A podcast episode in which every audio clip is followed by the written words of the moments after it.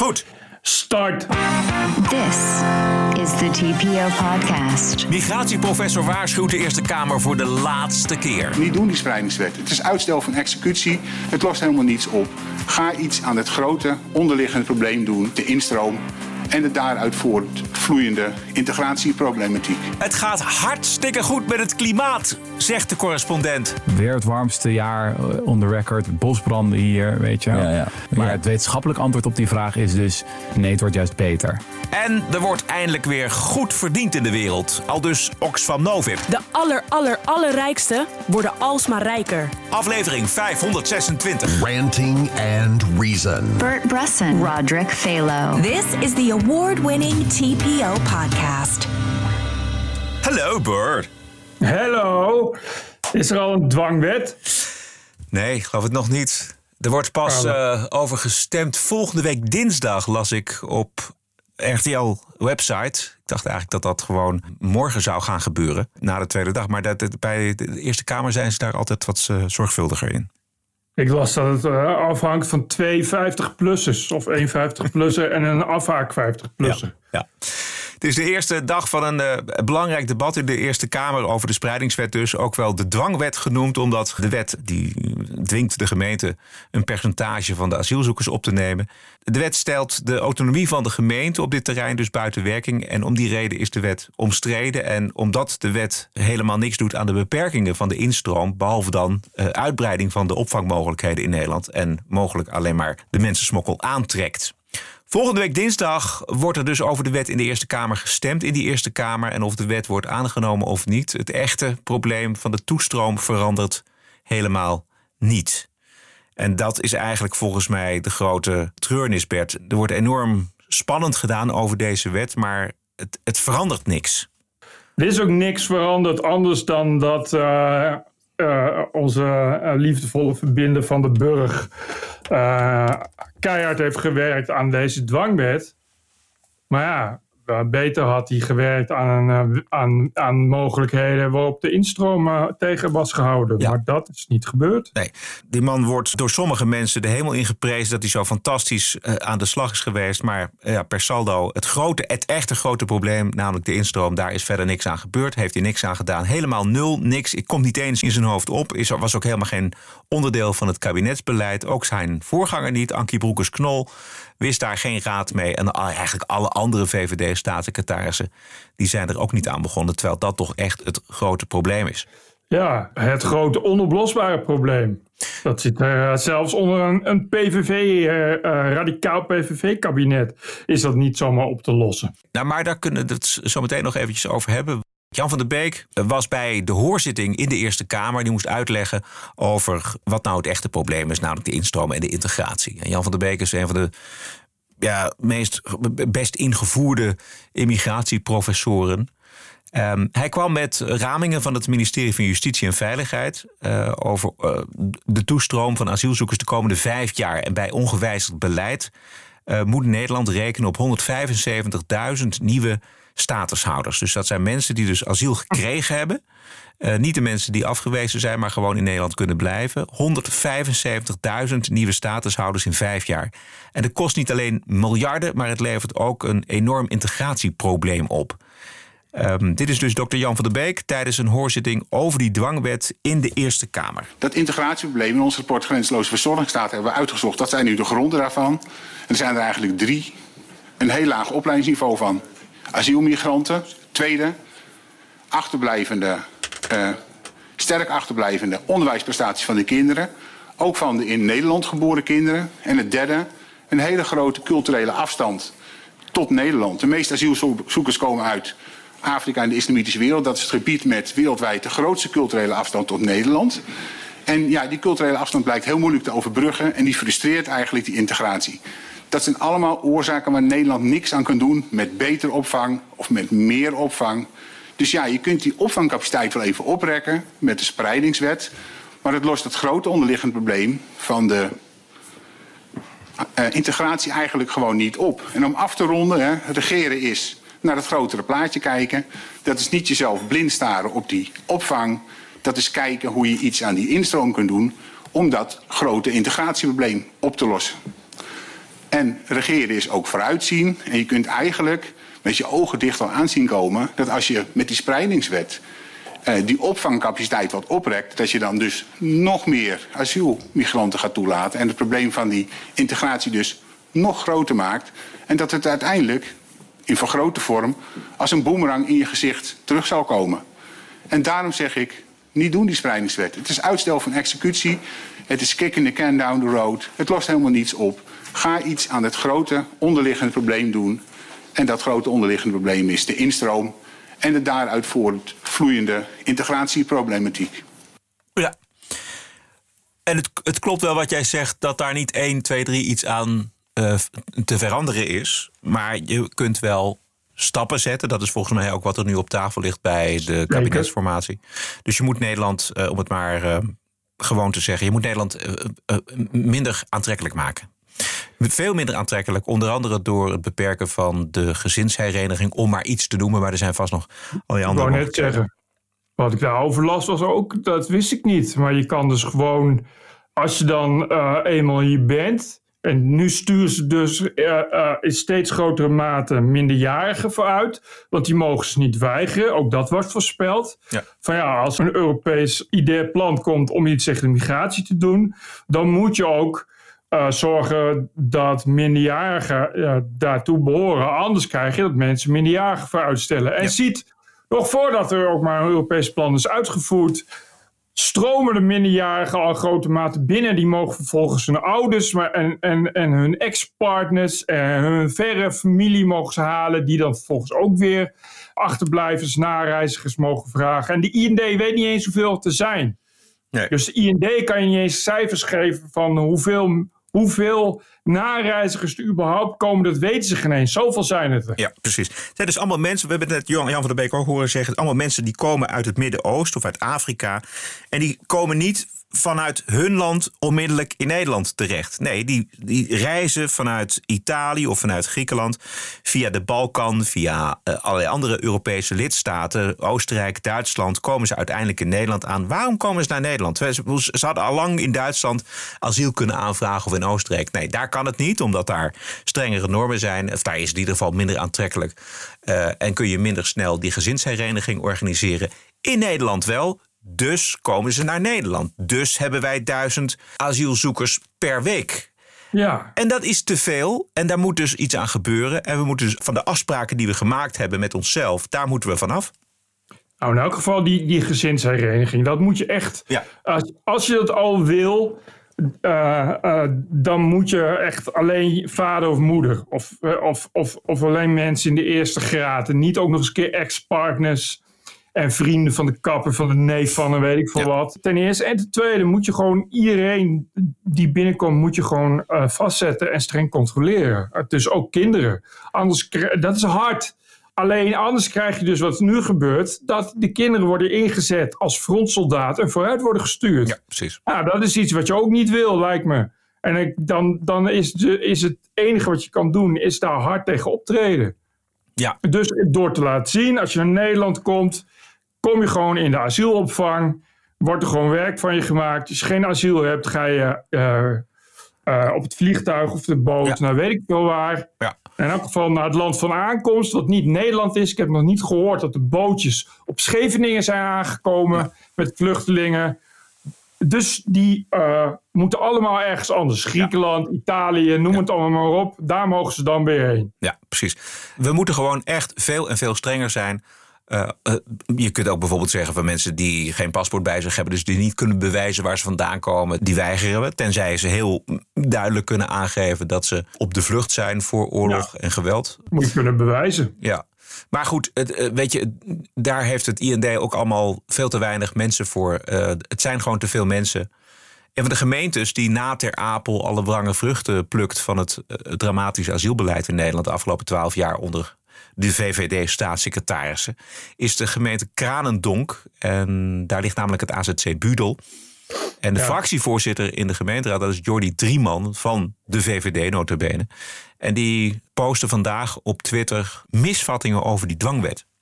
De voorstanders die denken dat het een heleboel oplevert, namelijk vooral lucht en ruimte en keurige opvang voor die asielzoekers.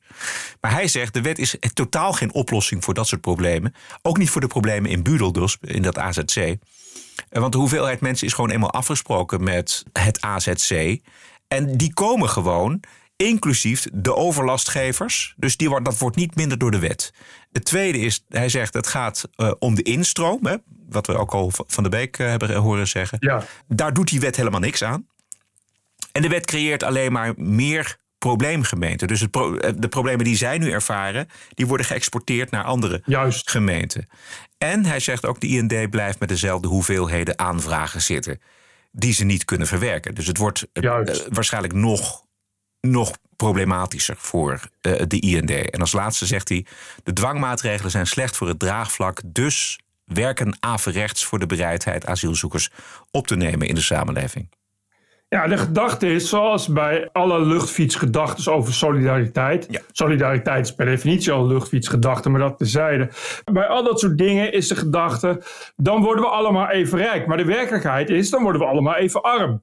Dus dan gaan er meer asielzoekers naar andere gemeenten. Ja. Maar als er een veilige land tussen zit, heb je nog steeds die overlast. Ja. Want het probleem is dat je het zo weinig kan doen tegen die veilige landen. Ja, is weinig politie. En als wel politie is, dan wordt, staan ze na twee uur weer buiten. Want voor overlast kun je niet iemand tien jaar opsluiten.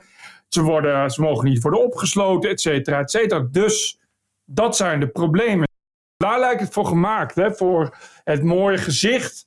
Wat, want we willen eigenlijk niet meer naar buiten toe laten zien dat de mensen buiten moeten Ja. slapen in de apel, dat de baby's doodgaan en dat zwangere vrouwen vaker ziek worden, noem maar, maar op. En allerlei treurigheid. Daar lijkt het voor gemaakt en daar, daar gaat die wet vast ook voor werken. Het gaat vast helpen eh, op het moment dat je in de wet een, een naburige gemeente kunt dwingen asielzoekers op te vangen. Want daar kun je dan niks meer tegen doen, dus kunnen ze daarheen en nu niet, want nu zegt de gemeente nee bedankt. Maar ja, voor de rest lost het niks op, maakt het alleen maar dingen erger. Ja, en het maakt dingen erger omdat het natuurlijk meer ruimte is voor de opvang. En dat uh, gaat uh, uh, huppatee via alle te telefoons van de mensen die onderweg zijn in Europa. Absoluut. Dus die komen, dus het heeft echt een, natuurlijk een aanzuigende werking. Dat, dat is zo logisch als wat. Wat zag ik nou nog meer? Oh ja, de, vandaag toevallig een rapport van de Staatscommissie Demografische Ontwikkeling. Ja. Uh, de, het jaarlijkse migratiesaldo zal flink omlaag moeten naar 40 tot ongeveer 60.000, adviseert de Staatscommissie Demografische Ontwikkelingen. Als de politiek niet ingrijpt, groeit Nederland naar 22 of 23 miljoen inwoners in 2050. Dus over Juist. 25 jaar.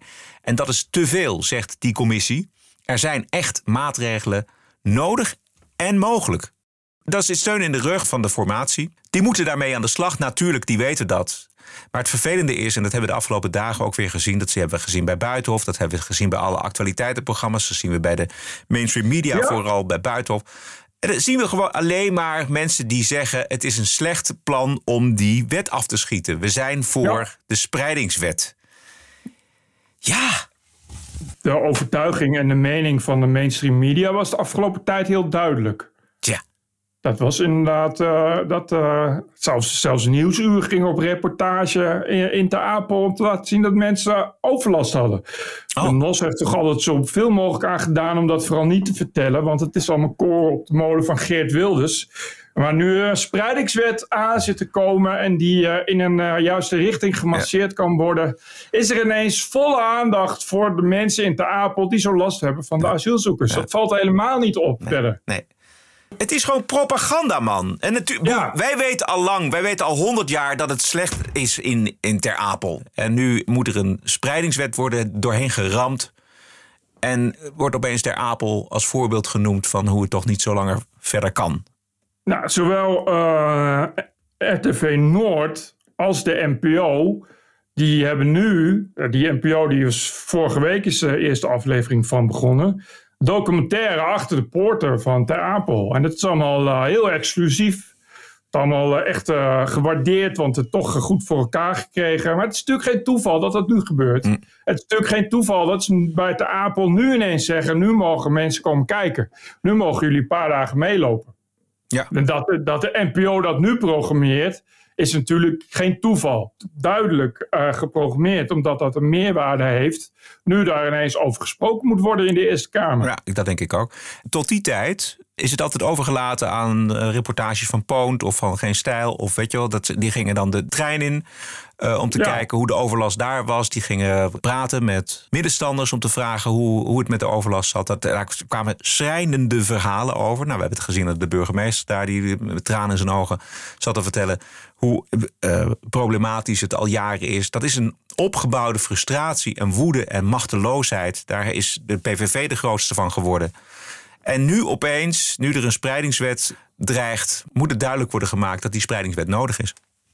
Ja, ook omdat voor veel mensen, voor, voor, veel, voor de linkse partijen en de christelijke partijen, of de SGP na, nou de ChristenUnie, uh, is die spreidingswet ja, een politiek middel om ongebreidelde asielinstroom voorlopig door te kunnen zetten. Hm. Want zeggen ze ja, maar nu hebben we een spreidingswet, dus nu kunnen we veel makkelijker spreiden. Dus is er weer plek zat, dan kunnen er niet genoeg mensen bij. Ja. En dat is waar het om gaat. Daarom willen ze zo graag die spreidingswet. Niet omdat ze nou uh, zo graag uh, de mensen van de Apel uit de brand willen helpen. Wel nee, dat zijn. Uh, las ik in de Leeuwarden Courant. De hoofdredacteur van de Leeuwarden Courant. Ik weet zijn naam niet, dat wil ik ook niet weten. Die had een hoofdredactioneel commentaar geschreven. Want er was in de gemeente waar Dokkum onder valt. Dat is de gemeente Noordwest-Friesland. En Noordwest-Friesland daar is de grootste stad Dokkum. Dokkum heeft dan iets van 13.000 inwoners. En daar zou een asielzoekerscentrum komen voor 250 inwoners. Maar die gemeente Noordwest-Friesland, die had dan eerst een draagkrachtonderzoek gedaan onder uh, de inwoners. Nou, wat bleek? Ik geloof 60% wil geen asielzoekerscentrum. Ja. Heel verrassende, verrassende uitkomst. Ja. Volgens de hoofdredacteur van de Leeuwarden Courant zijn dat onverdraagzame, onversneden racisten, racisten die hun onderbuikgevoel de vrije loop geven. En daarvoor moet eigenlijk geen plaats zijn in een fatsoenlijk land, en tolerant land als Nederland, waar we fatsoenlijk omgaan met mensen die op de vlucht zijn voor oorlog en geweld. Godver! Ik las dat ook en ik dacht van, huh? Bij de Leeuwarden Courant is iets heel raars gebeurd. De redactie leeft daar nog in 1997. En Ad Melkert is hoofdredacteur geworden van de Leeuwarden Courant. Nou ja, maar dat staat er gewoon. Ja, alsof het niets is. Alsof je denkt van, huh? Ja, Wat in Leeuwarden ja. gaat er mis dat ze daar de afgelopen twintig jaar niet hebben meegekregen? Ja. Heb ik Jan van der Beek ook nog uh, horen aanhalen. Dat kan ik mezelf ook nog wel herinneren. Dat 85 procent, weet je wel, toen op een gegeven moment werd er uh, gepeild... hoe staat u tegenover asielmigratie bij al die partijen tijdens de campagne. En toen bleek dat al, ook die achterban van al die politieke partijen, ook ter linkerzijde, allemaal waren van nou, zeiden van nou weet je, het is wel, het is genoeg. Er moeten grenzen aan die immigratie komen. En de dingen moeten vooral in de regio worden opgelost. Dat schijnt dus 85 procent geweest te zijn van de, van de mensen gemiddeld in Nederland. Ja, het is natuurlijk geen enkele gemeente waar als je een draagkrachtmeting gaat uitvoeren, waar de mensen zeggen, oh Jotem, doe mij maar een asielzoekerscentrum. In meerderheid gaan de mensen zeggen, nou nee, liever niet. Maar dat, uh, dat moralisme van zo'n hoofdredacteur, wat is dat voor waanzin, man? Echt onbegrijpelijk. Dit, terwijl Leeuwarden, dat is toch niet zo ver van de Apel, zal ik maar zeggen. Ja. Als je nou hoofdredacteur bent van de Leeuwarden Courant, toch een, een, een grote krant van een noordelijke provincie, dan weet je toch hoe het aan toe gaat in je buurgemeente. Hoe, hoe de mensen in Nieuw-Weerdingen, hoe de vrouwen daar s'avonds niet meer over straat durven. En de meeste mensen een honkbalknuppel naast hun deur hebben staan. Ja. En niet meer normaal durven gaan slapen, omdat ze uh, s ochtends, als ze de camera's, die er nu heel veel zijn, omdat iedereen een camera heeft uh, uh, aangeschaft, een videocamera, omdat ze dan als ze de beelden bekijken, zien ze dat asielzoekers rondscharrelen in de nacht. Ja. Dat is toch, toch niet, dan kun je toch nog niet meer zeggen. Dit zijn allemaal racisten die de onderbuik vrije baan geven en intolerant zijn. Dat is toch raar als je dat denkt? Het is schandalig, joh. Maar dat is toch vrij ziek. Dat deel van de journalistiek en, en ook de, de zogenaamde deskundigen, die allemaal verder niks, die, die met het morele vingertje wapperen en zeggen van uh, in een beschaafd land vangt iedereen op. Als je kijkt naar die staatscommissie, die heeft het dus over 22 tot 23 miljoen inwoners in 2050. En dat komt volledig op het konto van de migratie. Moet je even, even nog los van al die mensen uit Afrika en uit het Midden-Oosten die grote groepen vormen in de gemeenten in Nederland. Dat is niet te doen, dat is, niet te, dat is echt niet te trekken. Nee, maar ook de aanname, dat, dat, dat wordt al een hele tijd, dat frame wordt al gebruikt. Mensen die op de vlucht zijn voor oorlog en geweld. Het, zijn niet, het zijn niet allemaal mensen die op de vlucht zijn voor oorlog en geweld. Dat is nou juist het probleem. Was het maar zo dat ze allemaal op de vlucht zijn voor oorlog en geweld. Als ze uit Tunesië en Marokko komen, dan zijn ze niet op de vlucht voor oorlog en geweld. Dan zijn ze op de vlucht voor armoede. Uh, en, en kunnen ze gewoon in hun eigen land blijven. Dat is dus het hele punt. Ja. En we moeten dus, als we de commissie demografische ontwikkeling uh, moeten geloven, dan moet Nederland echt flink op de rem gaan trappen, want dit gaat helemaal mis.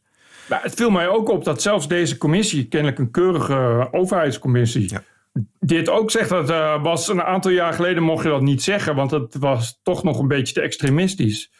Maar uh, het hele idee van Nederland is vol, ten dele overvol, zoals Beatrix ooit al zei, uh, is toch echt een kreet geworden die je niet mag zeggen, want dat is kwetsend. Ik weet nog hoe destijds in de Volkskrant is een, een club tegen de overvolheid van Nederland, die adverteerde daar dan mee in de Volkskrant. En hij kwam elke avond in de wereld draait door, Jan Mulder, inmiddels 123, vertellen hoe kwetsend en racistisch en onfatsoenlijk en intolerant dat was. Uiteraard heeft Jan Mulder, die zelf in het hoge noorden woont, en ruimte zat heeft, al zes loodsen gebouwd, waar mensen in alle luxe en wilde worden opgevangen. Oh nee, nee wacht, dat heb ik gedroomd.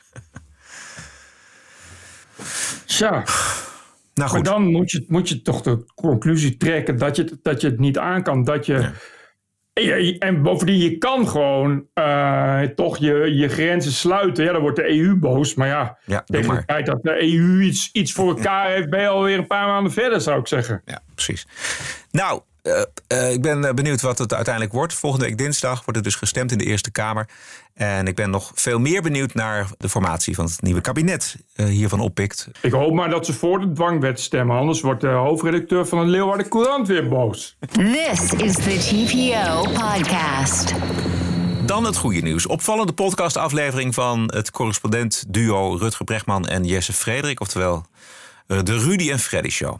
Kort gezegd komt het erop neer dat de staat van het klimaat ons door onderzoekers, media, actiegroepen als Extinction Rebellion uh, onrealistisch negatief wordt voorgesteld. Zelfs met scenario's die volstrekt onwaarschijnlijk zijn. Jesse Frederik heeft al die onderzoeken gelezen, ook van het IPPC. En ook Brechtman die moet bekennen dat het klimaatalarmisme alle perken te buiten gaat. Ik heb twee fragmenten van hun eigen verbazing en ongemak ook. Het eerste gaat over het aantal hittedoden op de wereld als gevolg. Het aantal hittedoden op de wereld als gevolg van klimaatverandering. Ja, ik word altijd een beetje ongemakkelijk hierover, omdat het soort van. Uh, dit soort statistieken ook worden gebruikt door ja, klimaatskeptici slash ontkenners. Om te zeggen, ah, het valt allemaal wel mee. Zie je wel, die... Uh, ja, uh, maar die... goed, weet je wat, wat ik ook een beetje denk? Ja, als dat zo is. Ik bedoel, uh, dan, dan, is het zo. Ja, ik, ik, moet, ik zat het wel allemaal te lezen en ik dacht, ja. Ik vind het eigenlijk toch wel echt een beetje vreemd dat, dat, dat, dat ik niet dit idee had en dat het er zo anders uitziet. Ja, nee, als je gewoon politieke retoriek hiervan volgt in links-progressieve hoek of een Extinction Rebellion, daar wordt toch een heel erg een beeld geschetst van wij worden straks gefrituurd en we nou ja, en echt zorgen wat, maken. Wat, wat, wat mij vooral opvalt, het is een soort van dat het heel erg gebruikelijk is om gewoon alleen die impact van klimaatverandering mee te nemen. Terwijl het best wel evident is dat er heel veel dingen omheen gebeuren die kwantitatief misschien een veel grotere invloed kunnen hebben ja. op dit probleem. Ja. Dus zoiets als, als, als dat je gewoon een rijk land bent dat zich airco kan veroorloven in, in, in de Verenigde Staten is duidelijk, evident, gewoon een veel grotere impact ja. dan klimaatverandering. Ja, ja, ja. ja, dit gaat dus over de, de, adaptie. Dus hoe, in hoeverre wij ons als mensen kunnen aanpassen. Um, uh, met hogere dijken bijvoorbeeld, maar ook dus met koelere huizen. En niet alleen in de Verenigde Staten, maar ook in landen als India. Dat dankzij economische groei de komende jaren zich die airco's kan permitteren. Wat zij zeggen is dat niet alleen dus aanpassingen achterwege worden gelaten, ons niet worden meegedeeld, maar ook dat de instanties, dus de actiegroepen, de overheden, rekenen met extreme scenario's. Waaronder Ja. het onwaarschijnlijke scenario van 4,5 graad temperatuurstijging. Nog één keer, uh, Brechtman en Frederik. Ik denk dat heel veel mensen zich toch wel zorgen maken over klimaatverandering. Omdat ze toch, toch zelf denken van, ik ga dit meemaken of mijn kinderen gaan dit meemaken. Ja. En als dan temperatuur en hitte is dan toch een van de de duidelijkste doembeelden die je hebt. Ik bedoel, daar worden ook mee bestookt. Weer het warmste jaar eh, on the record. Bosbranden hier, weet je wel. Ja, ja. ja, het is best logisch dat mensen dan op gaan, de, gaan denken van... oké, dit gaat mij echt persoonlijk raken. Maar Ja. het wetenschappelijk antwoord op die vraag is dus... nee, het wordt juist beter. En ook In niet een Europa beetje wel, beter, ja. maar voor je- jou wordt het aanzienlijk beter. Omdat, je gewoon, ja, omdat we gewoon schathemeltje zijn. Alleen, ja, wat, wat ik dan ook wel weer bij dit onderzoek... Hè, dat is, eh, ik heb nu uit, de, uit, uit hun soort van appendix... heb ik gehaald wat het zou moeten zijn in een gematigd scenario. Oké. Maar in de hoofdtekst wordt er alleen maar weer gewoon... dat hele extreme 4,5 graad scenario gebruikt. Ja. Dus ja, eh, ook hierbij heb ik wel weer bij dit, bij dit onderzoek vooral hoe het geframed wordt. Want het klopt allemaal wel binnen wat ze precies doen. Maar ja, het is ook wel weer bedenkelijk. Want dit wordt dan weer, dan wordt er met dat scenario wordt dan weer een prijs voor, voor CO2 verzonnen. Ja. Op basis van iets wat echt heel onwaarschijnlijk ja, is. Ja, en die neiging zie je toch sowieso wel vaak in dit soort studies. Is dat het ja, toch ook voor de abstract van je paper is het toch het lekkerste om uit te gaan van het allerhoogste ernstigste scenario. Ja. Want dat genereert de krantenkoppen. het spijt me dat te zeggen, maar het is eigenlijk echt wel, echt wel, wat mij betreft, best wel zorgelijk hoe groot die, eh, al die impactstudies gaan bijna allemaal gaan ze vergelijken. Een scenario met 4,5 graden opwarming vergeleken met een scenario met 2,7 graden opwarming. En 2,7 is dan succes. Ja. We zitten daar al onder. Eh, Of volgens, of volgens internationaal energieagentschap gaat het iets van 2,3 worden. eh, bij huidig beleid. En, dan doen we, en eigenlijk moeten we meer doen dan huidig beleid. Hè, want we willen naar anderhalf. Maar waarom is 2,7 graden is dan succes? En dat wordt dan vergeleken met een scenario van 4,5 graden... wat echt absoluut buiten de orde is wat mij betreft. Ja, ja. Maar dat wou ik nog zeggen. In, die, eh, in, eh, in de laatste IPCC-rapport over de impact van klimaatverandering... is meer dan de helft van al die onderzoeken gebruikt dat hele extreme scenario. Wat dus echt heel onrealistisch is. Ja, een scenario dat er straks uitgaat, wordt nu nog. Ja, en tot op de dag, want, de want, want, ze hebben dus ook soort van eh, allemaal databases nu van die impact literatuur, dat ze gaan kijken van welke scenario's worden nou het meest gebruikt. Ook in 2021, terwijl we echt wel zien om ons heen dat we totaal niet in een wereld gaan leven waar we vloeibare kolen gaan rijden, Mhm. is, is, is, gewoon, is gewoon de meest gebruikte scenario, is die, is die hele extreme. Er wordt enorm overdreven. Ja, ja, ja, als zelfs Rutger Bregman het zegt, dan kun je toch niet anders concluderen. Maar het is helemaal waar. En eh, ik lees wel, eh, eh, moet ik zeggen, tijd eh, dat er inderdaad steeds meer van dit soort stemmen opgaan. Ook wetenschappers die, die inderdaad zeggen van ja, misschien moeten we toch kijken naar. wat is überhaupt de impact van het continu alarmistisch zijn? Want Ja. dat is misschien niet zo goed. En eh, wa- want dat is iets wat dan eh, mensen ook niet weten. Want die media haalt dat weg. Die zeggen dan, eh, ja, het gaat 4,5 graden opwarming, gaan we allemaal aan. En als ze niks doen binnen 12 jaar. Zo, terwijl dat IPCC werkt met een hele reeks, maar echt een hele lange reeks aan scenario's van, van echt heel mild tot heel extreem. En alleen het extreme gedeelte komt ja, ook omdat eh, zowel wetenschappelijke tijdschriften als de wetenschappers zelf, als de media, ja, die varen natuurlijk het beste bij die extreme. Precies, dat is wat, wat, wat zegt. Extreme uitkomsten genereert meer aandacht. En dat is natuurlijk ook een dynamiek die wij gezien hebben in de journalistiek al heel lang. Al, al helemaal bij actiegroepen. Vrijdag kwam er een stuk online bij de NOS van een klimaatredacteur. Want die moet ook zijn geld opbrengen. Die dan maar is gaan rondbellen of er nog andere extreme op stapel staan. En die komt dan uit bij experts, die waarschuwingen... dat de regen weliswaar van geen ophouden weet... maar dat de extreme droogte er alweer aankomt. Ja, maar wat er gebeurt, is dat, dat is heel raar. Niemand zou het accepteren als je op deze manier eh, politiek beleid voert. Want het extreemste geval gaan we morgen allemaal dood. Kan gebeuren, we kunnen ineens allemaal, allemaal omvallen. Niemand die zegt, oh, daar gaan we ons nu op voorbereiden. Omdat je zegt, ja, maar die kans is zo klein. Weet je, niemand die zo leeft. Dus niemand die zegt, eh, eh, ja, ik heb een eh, aantal extreme. dat gaat van ik word 120 tot over 10 minuten val ik dood neer. Er is niemand die dan zegt, oh, maar ik pak dat extreme eruit. Ja. Dit- dit- maar bij klimaat lijken we dat allemaal te accepteren. En dan krijg je, ja, dan krijg je die Caries van Houten. Die gaat dan naar een, een propagandaavond van Milieudefensie. Nou, daar vinden ze het meest extreme milieu, uh, uh, model nog mild.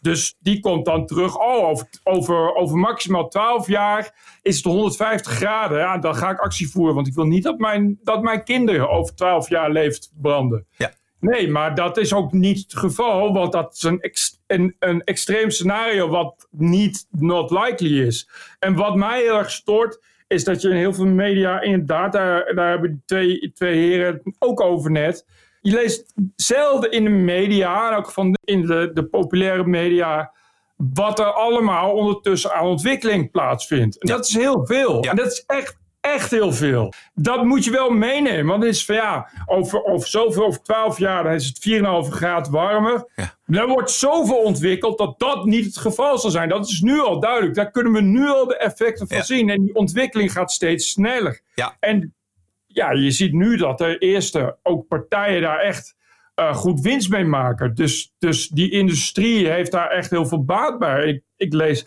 Bloomberg lees, doet het wel, die is er heel goed in. Maar dat is natuurlijk hè, ook, ook om te laten zien wat er uh, uh, aan, aan bedrijven, aan start-ups bezig zijn. Maar CO2-afvanger bijvoorbeeld. Dat zijn echt geweldige ontwikkelingen. Dat lees je nergens. Nee, dat is heel raar. nee, precies. Niemand die dat weet. Nee, niemand die het weet. Doe dat eens een keer. En dan is volgens mij de achterliggende angst dat als je dat wel meldt, van het gaat eigenlijk hartstikke goed, dat mensen dan denken, ja, maar dan, uh, of die journalisten dan ook vooral, van nou ja, ja, dan gaat de urgentie eraf en dan uh, zijn we alsnog in de aap gelogeerd. Maar dat is een absurde gedachte, want je moet gewoon de wetenschap kunnen vertrouwen. Je moet de journalistiek kunnen vertrouwen. En dat van 4,5 graad, dat zegt die, uh, die Frederik, zegt dat ook. Ja, dat is echt een absurd scenario. Maar ja, ja het wordt nog wel steeds genoemd. Hè? Bij ongewijzigd beleid komen we uit op 4,5 graad. Nou, dat is onzin. Ja, je, het, is, het is duidelijk dat het voor, voor uh, wetenschaps- en media echt een religie is. Ja. Waarin, waarin, uh, waarin toch ja, dat doemdenken uh, staat daar toch centraal. We moeten echt zoveel mogelijk boete doen. Dus we moeten echt zoveel mogelijk. Dat is toch Extinction Rebellion en dat soort mensen is toch het liefste. Gaan we helemaal terug naar de steentijd. Ja. Dat, dat, dat doet het meeste. Dat moet het meeste boete aan ons als rijke westeling, waar we ons toch heel erg schuldig voor moeten voelen op de een of andere manier. Ja. Terwijl, dat, dat zei Jesse Frederik goed. Terwijl juist omdat we rijke westelingen zijn, weten we ook dat we ons straks helemaal kunnen aanpassen. Ja. Maar heel veel scenario's, die, of de extreme scenario's, gaan uit van dat er helemaal niks ten goede verandert, uh, verbetert. Dus bijvoorbeeld een, een, een, India waar nu nog op hout wordt gestookt. Dat, die, die zullen misschien eventjes een aantal jaren overgaan op gas en olie misschien. Maar daarna gaan ze ook schone ja. energievormen gebruiken. Kijk maar naar China. Dus, en, en dat ja. wordt allemaal niet meegenomen. Dus dat is, het is eigenlijk een hele rigide beschrijving van de werkelijkheid, of van de toekomst liever gezegd, door actiegroepen als Extinction Rebellion. Maar ook door een partij als GroenLinks natuurlijk. Die heeft daar ook geen enkele baat bij, politiek gezien, electoraal gezien, om uh, de, de boel nou niet te sussen, maar te zeggen van nou ja, luister eens even, het, het gaat eigenlijk best wel goed. Nee dat, is, nee, dat is het allerlaatste wat ze willen horen.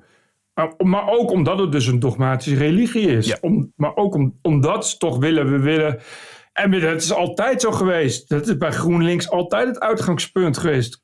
Te veel consumeren, te veel verdienen, te veel succes. Het is allemaal stom. Waarom is het stom? Ja, je moet, je moet toch een soort van boete doen. Nou, en, en, en het klimaat heeft een, een goed, uh, goede reden gegeven voor dat soort partijen om uh, te zorgen dat mensen ja, een stap terug doen van het consumeren. Daarom richt dat Extinction Rebellion zich bijvoorbeeld op privé-ads, weet je wel? Ja. Dat, ja, precies. Ja, ja. Symbolisch, dat zijn stomme mensen die succesvol zijn en zomaar heel stom een eigen vliegtuig vliegen. Maar daar gaat het klimaat niet van kapot en zo. Weet je, sterker nog, eh, de, weet je, de, de, over, over 20 jaar vliegen die mensen in een elektrisch vliegtuig en zo. Dit is ook alle, dit is helemaal niets wat op wijst dat we straks weer teruggaan naar eh, op benzine rijden of zo. Helemaal niet. Integendeel. Ik geloof in Tsjechië. Eh, eh, dat wordt dan het Detroit van, van Oost-Europa genoemd. Dus het is een enorme auto-industrie. Daar verwachten ze tot 85.000 ontslagen in de nabije toekomst te gaan eh, vallen. Waarom? Door de elektrische auto. Wat betekent dat? Dat iedereen in een elek- elektrische auto gaat rijden. Ja. En dat is allemaal, wordt allemaal niet meegenomen door de klimaatactivisten. Ik moet even denken aan de verklaring die Michael Schellenberger een keer gegeven heeft over waarom het verzet tegen kernenergie in de moderne wereld zo groot is. Om juist vanwege dit soort organisaties die dan eigenlijk inderdaad uh, heel erg tegen dat boete doen aanliggen. En dan Precies. zeggen, nee, maar we moeten juist terug. We moeten een stap terug. We moeten niet rijker worden. We moeten terug naar een Precies. simpele bestaan. En dan moet ieder huisje krijgt een eigen zonnepaneel en een eigen eh, windmolentje. En zo moeten we de toekomst in. Dus we moeten niet modern, we moeten niet vooruit. We moeten niet eh, genieten van die moderne technieken. Kernfusie, kernenergie. Nee, we moeten juist eh, terug en, en boete doen inderdaad. We moeten simpeler leven. Ja, want kijk, kernenergie, als je gaat zeggen, we gaan heel veel investeren in kernenergie en we, dan hebben we straks, kunnen we 100% van elektriciteit voorzien in kernenergie. Nou, dat zou je denken, dat is voor, voor GroenLinks goed nieuws. Ja. Want nou, dat is eh, een beetje zo, zo'n beetje het einde aan, eh, aan je forse CO2-uitstoot. Maar dat zouden ze absoluut niet willen, want kernenergie is juist een aanjager van consumentisme. Ja, precies. Met, eh, Ja. met kernenergie vergroot je kapitalistische groei. Juist. Vergroot je, vergroot je Rijkdom. con- consumeren, vergroot je rijkdom. Dus tegen kernenergie. Het moet juist die beperktheid, die moet er zijn. Dus, dus dat je nu, eh, dat nu het stroomnet vol zit, dat is precies wat, wat GroenLinks wil. Dat je, kan dat je moet gaan zeggen, ja, eh, dan heb je geen stroom, dan moeten we eh, stroom maar gaan rantsoeneren. Ja. Dat wordt lijden. Ja. Hoe meer je leidt, Ja. hoe beter dat is voor GroenLinks. Ja, precies. Zo las ik dus ook in dat kader las ik ook zo'n beetje de dat het. Ik, ik kreeg opeens het idee. Ik zag overal Oxfam Novib. Eh, Dat is eh, in de niet media. heel onterecht. Ongelooflijk. Ik kwam overal. Het kwam overal. Ik dacht, is het Oxfam Novib dag misschien? Ja, Parool opende met kloof tussen arm en rijk nog groter. niet alleen parool, alle media. Jezus, Mina, de vermogensongelijkheid neemt wereldwijd verder toe. Ook in Nederland, blijkt uit onderzoek van Oxfam Novib. NOS kwam inderdaad met Oxfam Novib bepleit een extra belasting voor extreem rijken. Elk jaar stuurde je een heel ronkend persbericht aan het begin van het WEF. Want het WEF in Davos eh, is weer begonnen. Ja. Eh, en dat vindt Ox- Oxfam Novib uiteraard stom. Want er komen dus weer rijke mensen die succes hebben. Die moeten allemaal kapot van Oxfam Novib.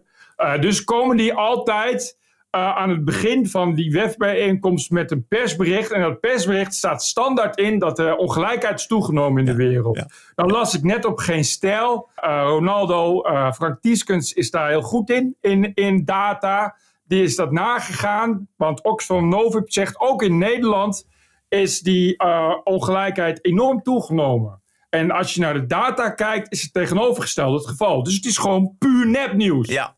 Het blijkt dus eigenlijk te gaan om een wervingscampagne van Oxfam Novib. De aller, aller, allerrijkste worden alsmaar rijker.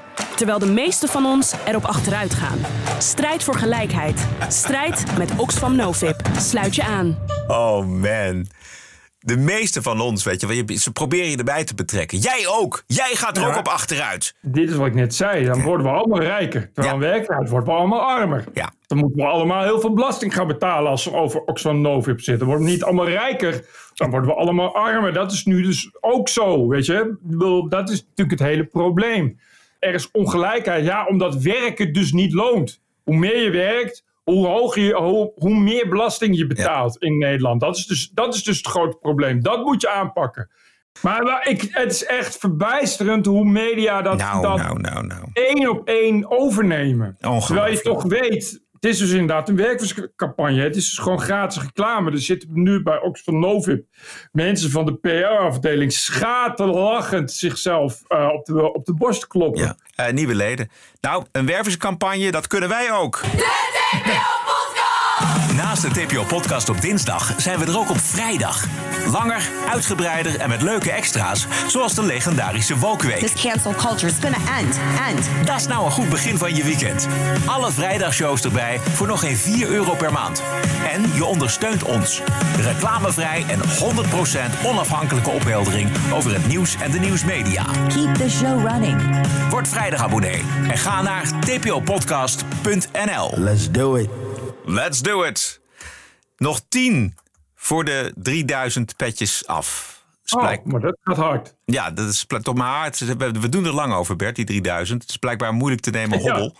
Eh, maar dat komt ook omdat er in januari wat mensen automatisch afgaan en weer nieuwe mensen bijkomen. Ja. Zoals Alex Waterman, Een baken van een normale gedachtegang in een wereld die vanwege het wokisme alleen maar gekkere vormen aanneemt. Uh, Alex is uh, uh, meteen voor een jaar lid geworden. Ipsum die heeft een jaarabonnement en schrijft: Jorik mag zich melden. En ik had nog eentje. Anita van Hirtum, dit is ook een nieuwe jaarabonnee. En die schrijft: Top podcast, ben fan van jullie. Terecht, Anita. Terecht en veel dank. Doe ook als Alex en Ipsum en Anita en al die 2990 leden van de Vrijdagclub. Meld je aan via tpopodcast.nl. Kom je meteen op ons petje afpagina en daar kun je abonnee worden voor een maand of voor twee maanden of voor een heel jaar meteen. En je helpt ons om de TPO podcast in de lucht te houden. Je moet kiezen of vrijdag abonnee worden bij ons, bij de TPO podcast, of bij Oxfam Novin. Dat wil je ook niet. Dus dan kom je bij ons uit. Wij zijn eigenlijk een soort Oxfam Novib voor, voor onszelf. Ja, precies. Ja, ik, heb nog een, ik heb nog een derde keuzemogelijkheid. Inderdaad, het is of Oxfam Novib, of KRO NCRV, of TPO Post. Ja, als, je niet, als ze niet snel 3000 leden hebben, komt KRO NCV weer terug op Twitter. Ja, precies. Ja, ja. Wil je dat op je geweten hebben? Nee, toch? Uh, we zijn terug met een lange show. Aanstaande vrijdag natuurlijk, 19 januari. Veel dank, stay cool. En tot vrijdag. What a show. TPO Podcast. Bert Bruson, Roderick Balo, Ranting and Reason. Melden! En dan denk ik, top. Podcasting is the TPO podcast in the Netherlands. Bert and Roderick. What a show. I'm telling you. Keep the show running. Go to tpo.nl slash podcast. Thank you.